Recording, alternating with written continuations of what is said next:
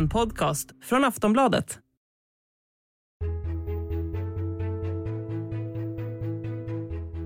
Det är sommar, det är varmt och det är EM 2022. Det svenska damlandslaget står inför ett mästerskap där förväntningarna är skyhöga på dem. Guldet ska kammas hem och prispengarna är mer än någonsin. Mästerskapet går av stapeln i fotbollsnationen England med final på Wembley Stadium i London den sista juli. Fram tills dess ska de svenska stjärnorna först kämpa för att ta sig vidare från sin grupp bestående av Nederländerna, Portugal och Schweiz. Så hur är stämningen i truppen? Vilka stjärnor har mest press på sig? Hur hårt är motståndet? Och vem vinner och vem försvinner? I dagens Aftonbladet Daily snackar vi EM 2022 med Anna Rydén, reporter på Sportbladet. Jag heter Vilma Ljunggren.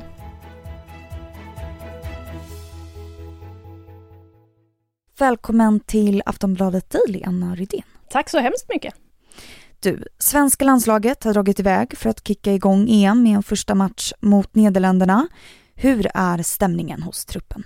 Den är otroligt avslappnad måste jag säga. De verkar väldigt förväntansfulla och de åker ju till EM med ett tydligt mål. Alla pratar om guld och de verkar gilla att göra det också. Det är inte så här att man känner att okej, nu är de pressade. Jag menar, vi minns väl alla vad som hände i den där OS-finalen i fjol eh, och straffen, Caroline Seger. Det är fortfarande plågsamt att tänka på det och man känner att det kanske skulle kunna pressa den här gruppen, men det känns inte alls så. De har varit väldigt avslappnade under lägret i Båstad och ja, nej, förväntansfullt. Så det är hög press på dem men de verkar hantera det bra. Ja, än så länge så känns det som att de älskar det här läget och det har de väl mycket att tacka idrottspsykologen eller den fotbollspsykologiska rådgivaren Rasmus Liljeblad som många av spelarna gärna talar varmt om som kom in tillsammans med Peter Gerhardsson i den här truppen och har jobbat mycket med det mentala, med gruppen, med att de ska älska att göra det här tillsammans.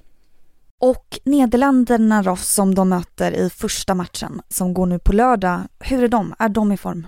Ja, de är ju regerande Europamästare, vann EM 2017 på hemmaplan eh, och eh, har ett väldigt starkt lag, framförallt offensivt. Eh, sen åkte de ju på en stor, stor, stor stryk här i matchen mot England, en träningsmatch inför, men vi ska komma ihåg att det var en träningsmatch. Nederländerna såg bra ut i en sådär 60 minuter. Sen så tappade de det, så att man kanske inte ska dra för stora växlar av det, utan eh, jag tror att Nederländerna kommer komma ut och vara väldigt hungriga. De har ju en av EMs största stjärnor i sitt lag i form av Arsenals Vivian Miedema som gör mål på i princip allt. Men Stina Blackstenius i Sverige spelar ju tillsammans med henne i Arsenal, kan henne väldigt väl, kan dela med sig lite där. Och så har vi Magdalena Eriksson som till vardags spelar i Chelsea som vet hur man stoppar Vivian Miedema så att vi får hoppas att de lyckas med det, för det krävs om Sverige ska få en lyckad premiär. Så den här allra första matchen kan bli den allra svåraste för Sverige inom gruppen? Det kommer det definitivt bli. Dessutom så lägger vi på premiärnerver och allt det här som finns runt om. Men de som minns OS vet att det var så Sverige började. OS i Tokyo också. Man klev in mot världsettan USA och vann med 3-0. Det satte tonen för hela det mästerskapet. Så att man gillar det läget och hoppas ju såklart få en liknande start på det här mästerskapet. Men du beskriver det som att laget har stark press på sig, de verkar hantera det bra. Kan man säga någonting vad de har för stil tillsammans, något karaktäristiskt för laget, hur de spelar? Ja, de vill ju kunna ändra under matchens gång till exempel. Man vill kunna spela med en trebacks eller en fyrbackslinje, allt för att vara svårlästa för motståndarna och så har man ju klivit in i det här mästerskapet med en lite kaxigare attityd än vad vi kanske är vana att se Sverige vid. På de nya tröjorna har man ju till exempel lanserat How to stop Sweden eller How to beat Sweden eller vad det nu är det heter, men där det står då från eh, matchanalytikern Anders Eriksson har berättat allting om vad varje enskild spelare är som allra bäst på. Hur ska man göra för att slå Sverige egentligen? Så självsäkra är man på att det ska gå bra. Sen visst, det är klart att alla andra videoanalytiker kan titta på samma siffror och hitta den här informationen ändå, men det är ju en kaxigare approach än vad vi är vana vid att se Sverige kliva in med. Och, ja, men det känns som att de kliver in i det här mästerskapet med ett väldigt stort självförtroende. Sverige har ju hamnat i grupp C. Kan du beskriva den gruppen? Hur är motståndet? Ja, det är ju då Nederländerna som är det absolut tuffaste motståndet i den här gruppen. Sen har man även Schweiz och Portugal i gruppen. Portugal som är sist in i det här EMet, för Sverige skulle ha mött Ryssland i gruppen, men Ryssland är ju uteslutna. De är inte välkomna i sommarens EM med tanke på invasionen i Ukraina och Portugal fick då i maj veta att det är de som får ersätta så att de har ju inte fått någon optimal uppladdning och eh, ska vara laget som kommer sist i den här gruppen. Schweiz, ett lag som har varit bättre. Det finns en del namn att eh, hålla koll på där, men de ska inte kunna utmana Sverige och Nederländerna. Så att det är en grupp Sverige ska ta sig vidare från är relativt bekvämt. Det är inte så att man spelar i dödens grupp, utan det är ju den med stornationerna Tyskland, Spanien, Danmark och stackars, stackars Finland. Det är den svåraste gruppen Det är den där. absolut svåraste gruppen. Det finns ju många stora namn i landslaget som det snackas mycket om. Vi har till exempel Stina Blackstenius, Caroline Seger, Kosovare Asllani och så vidare. Eh, och Fridolina Rolfö som verkligen sticker ut som en stor stjärna. Eh, hur mår de här? Är Rolfö i form? Ja, nu är det ju så att man eh, är lite, lite tveksam så här med någon vecka kvar. Vi såg genrepet mot Brasilien där det slarvades en del i passningsspelet och så här i första halvlek. Just för Rolfö? Ja, just för Rolfö och de andra stjärnorna som spelar utomlands, för det är ju så att deras eh, seriespel, det slutade för några veckor sedan, så att de har inte riktigt kommit upp i det där matchtempot än, men det kommer såklart inte vara något problem den 9 juli. Det hoppas vi verkligen inte när det är dags för den där matchen mot Nederländerna, utan de kommer öka på tempot här nu och eh, till, de pratar hela tiden om det, förbundskaptenen Peter Gerhardsson och hans assisterande Magnus Wikman, att vårt mål är den 9 juli, det är då alla ska vara fit for fight, det är då alla ska vara redo. Så att vi hoppas det, för de, man såg lite det på de som spelar utomlands, att mm, en bit kvar formmässigt, men eh, de ska ju hålla ett långt mästerskap också. Aftonbladet Daily är snart tillbaka.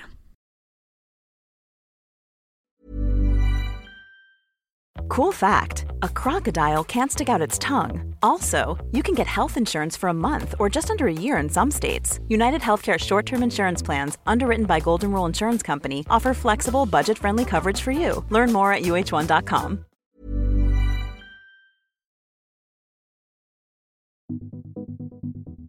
Under genrepet mot Brasilien på Friends Arena i Stockholm häromveckan sattes det publikrekord.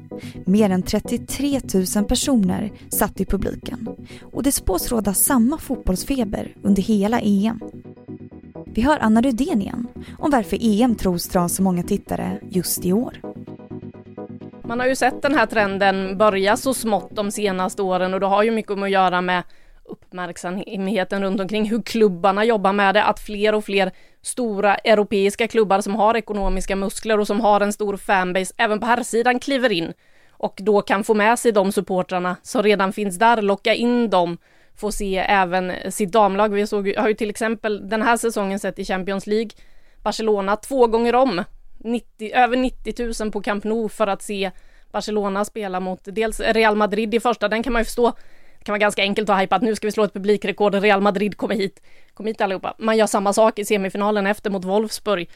Och den matchen var jag på plats på. Jag kan säga att eh, det var ju inte så att inte rådde entusiasm runt omkring. Det var fullständigt magiskt att se alla som samlades på plats och få se spelarna kliva ut till de här stora publikerna. För det är ju på tiden att det händer någonting och man känner att ju fler som går på matcherna, ja men det blir en happening, det blir kul att kolla på och då kommer man tillbaka. Så det är väl lite det man ser samtidigt som vi ser tv-avtal och så vidare. Det blir mer synligt, det blir lättare att ta in, det blir lättare att skapa förebilder och idoler som man faktiskt vill se på plats.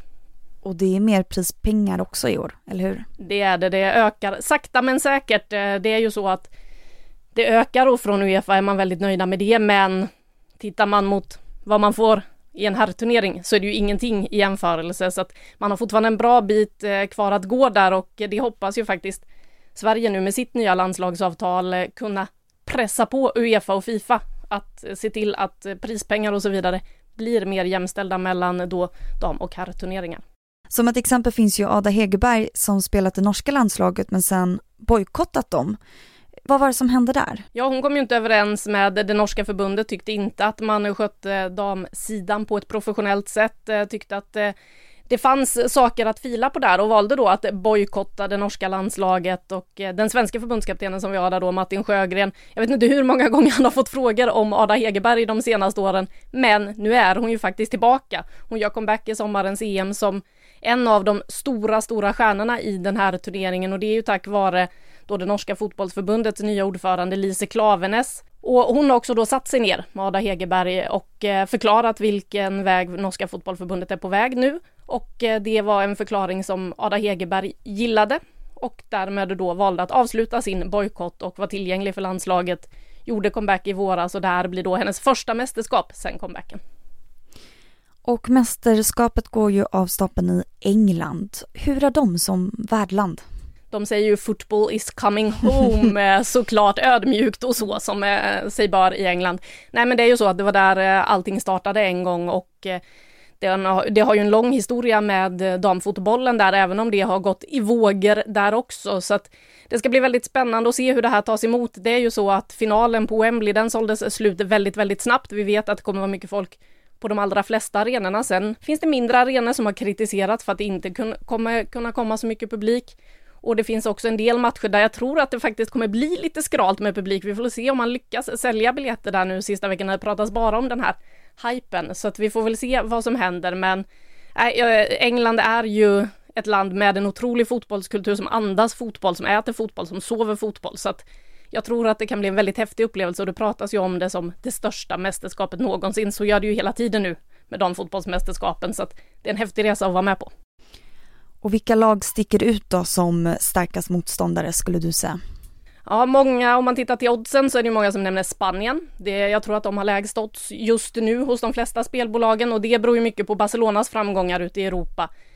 Det man kan höja ett lite varningens finger för där är ju att Barcelona, om man såg hur det gick för dem i Champions League-finalen, där chokade de, kom inte upp i nivå som eh, man kanske har sett tidigare.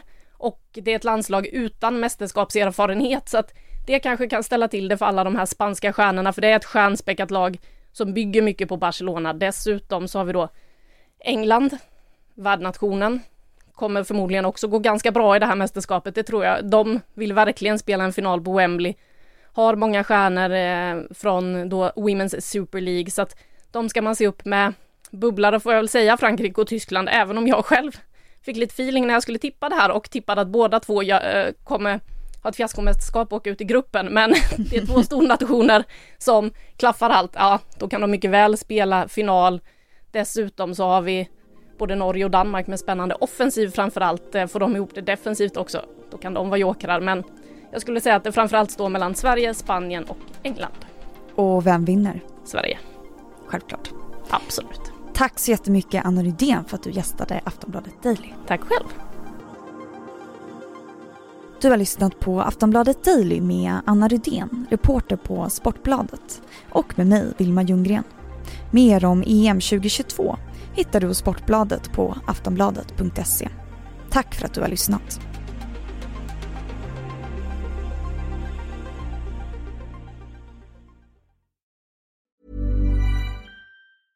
Normally, being a little extra might be a bit much, but not when it comes to healthcare. That's why United Healthcare's Health Protector Guard fixed indemnity insurance plans, underwritten by Golden Rule Insurance Company, supplement your primary plan so you manage out of pocket costs. Learn more at uh1.com. Du har lyssnat på en podcast från Aftonbladet. Ansvarig utgivare är Lena K Samuelsson. Tired of ads barging into your favorite news podcasts? Good news. Ad-free listening is available on Amazon Music for all the music plus top podcasts included with your Prime membership.